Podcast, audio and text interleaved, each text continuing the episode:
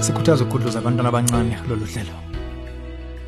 Imithelo yomakhopheni namashende ishiya kumanhle embethwane imphumela ezenze njalo intsotshotha kude le.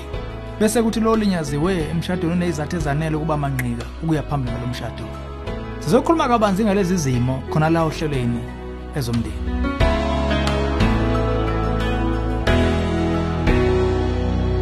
Angithatha ithuba ngikubingelele ezomndeni uhlelo lwakho lokulethela izeluleko eyiphatheka ngabaka-focus on the family.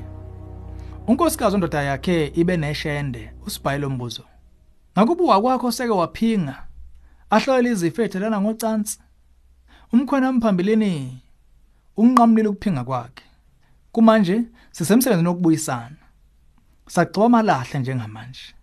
Futhi kangifuni ukwenza sengathi ngide ngimhilela ngezinto ongathi angimthethelele khona manjalo futhi angikholwa ukuthi okungikhathaza kuyinto yokuzitshwa. Ngenze njani ngempela? Kulula ke lokho kuphendula yebo wena kunye nomnyeni wakho nimelwe ukuyohlela izifo ethelana ngocansi. Okusemqoka futhi kuba ukwenze lokhu ngokusheshsha sinezizathu ezinhle ukusho konke lokhu ngqo.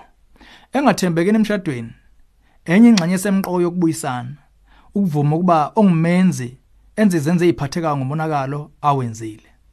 Leyo mphumela isengaba ngephathe ngokwenyama ezempilo kumbe ingqondo nenhliziyo angeke ucabange ukuthi usungakhanda umshado wakho ubuyelane. Kuphela uma kuwukuthi zonke lezi zinhla sezisetshenziwe ngokwanele.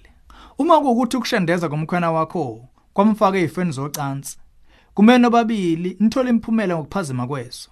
Uma kungukuthi usethola igciwane lezocansi lokho phela kuchaza ukuthi impilo yenu yenkonzo yekamero izoba ngengcencayo impilo yenu yonke. Lokho kusemqoka empilweni yakho ngoba kunezifo ezikwazi ukuquba emzimbeni wesifazane isikhathi eside phambi kokuba ziveze impawu kungoba umqoka kumacala omabili ukutholakala kwesimo sezempilo ngokusheshsha phambi kokuba konakale kakhulu. Njengamanje ukuqonda konke lokhu kusemqoka kuba uqonde nje. Sewuvese ucabanga ukuhlola nokuthi uzizwa kusemqoka kuba kukukhathaze lokho. Kungani pho kuba ungabaze ukubela isihloko umkhwena wakho? Uthe ukucela yohlola kuyoba sengathi awumethembi. Wesaba nokubonakala ungongathetheleli okokuqala ukuhlolwa ngokwezempilo kakuhlanganisa inhlobo nokwethembana nokungathembani kuyindlela nje eqondile yokuthola amaphuzu ezempilo aphathekayo. Ngakuba impawu zezifo ezithathelana ngocansi khona noma cha ilokho kanye odinga ukwazi.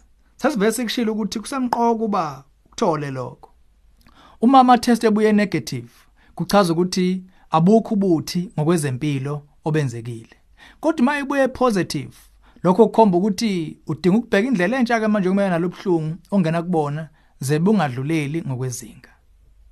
Okwesibili ukuthi umkhwena wakho athanda nomunye umuntu ukhona wena wenza ungathembeki ngalokho. Uma ethu indoda enomgogodla kumele akhombise ngokuvuma ukubhekana nemphumela yesinzo sakhe inje ngoba injalo. Iyona ndlela kuphela le anganethemba ukwakha kabusha ubudlane bakhe nawe. Okugcina udinga ukwazi ukuthi ukuthembeka nokuthethelela izinto ezimbili ezihlukene lezo. Ungamthethelela umkhwena wakho ngomhlanhlatha kwakhe kwaphambilini kodwa lokho akuchazi kumele umthwale ngeqoma kwikusasa. Akumele futhi ulokothe ubambele kweqe emagameni akhe uma ethi soza aphinde akwenze lokho. Ngesenzo sakhe nguyena oyiphuce lenkululeko nokuhlonishwa kwakhe. Ukuphuluka kwangempela phakathi kwenu akunakwenzeka kuze kube yena usekulungele ukubhekana nemiphumela injalo athembeke kuyona. Simele kwengeza ukuthi ukubuka isimo senkonzo yenkamero nezimo zomzimba kumele kuze ngemumva ekucabangeni emva kwalesenzo sikhuthaza kakhulu ukuthi wena kunye naye umnyeni wakho nisungule ningene olaphekweni olunqala. Kumeluleki oqeshiwe ongodi ukuze anisize ukudlulisa ifa elisibekele umshado wenu ngalesi senzo. Umnyango wezokweluleka efocus on the family. Ungakusiza ukuxhumana nabaluleki abaqeshiwe abaseduze nawe. Cela ukuba ushayele ku-031 716 3300 kumbe ungene ku-safamily.co.za bese uthi chofo ku-counseling link. Lolu hlelo ezomndeni ulethulelwe yi-focus on the family sihlangabezwa hlelo luzayo sesihlabelisa phambili umndeni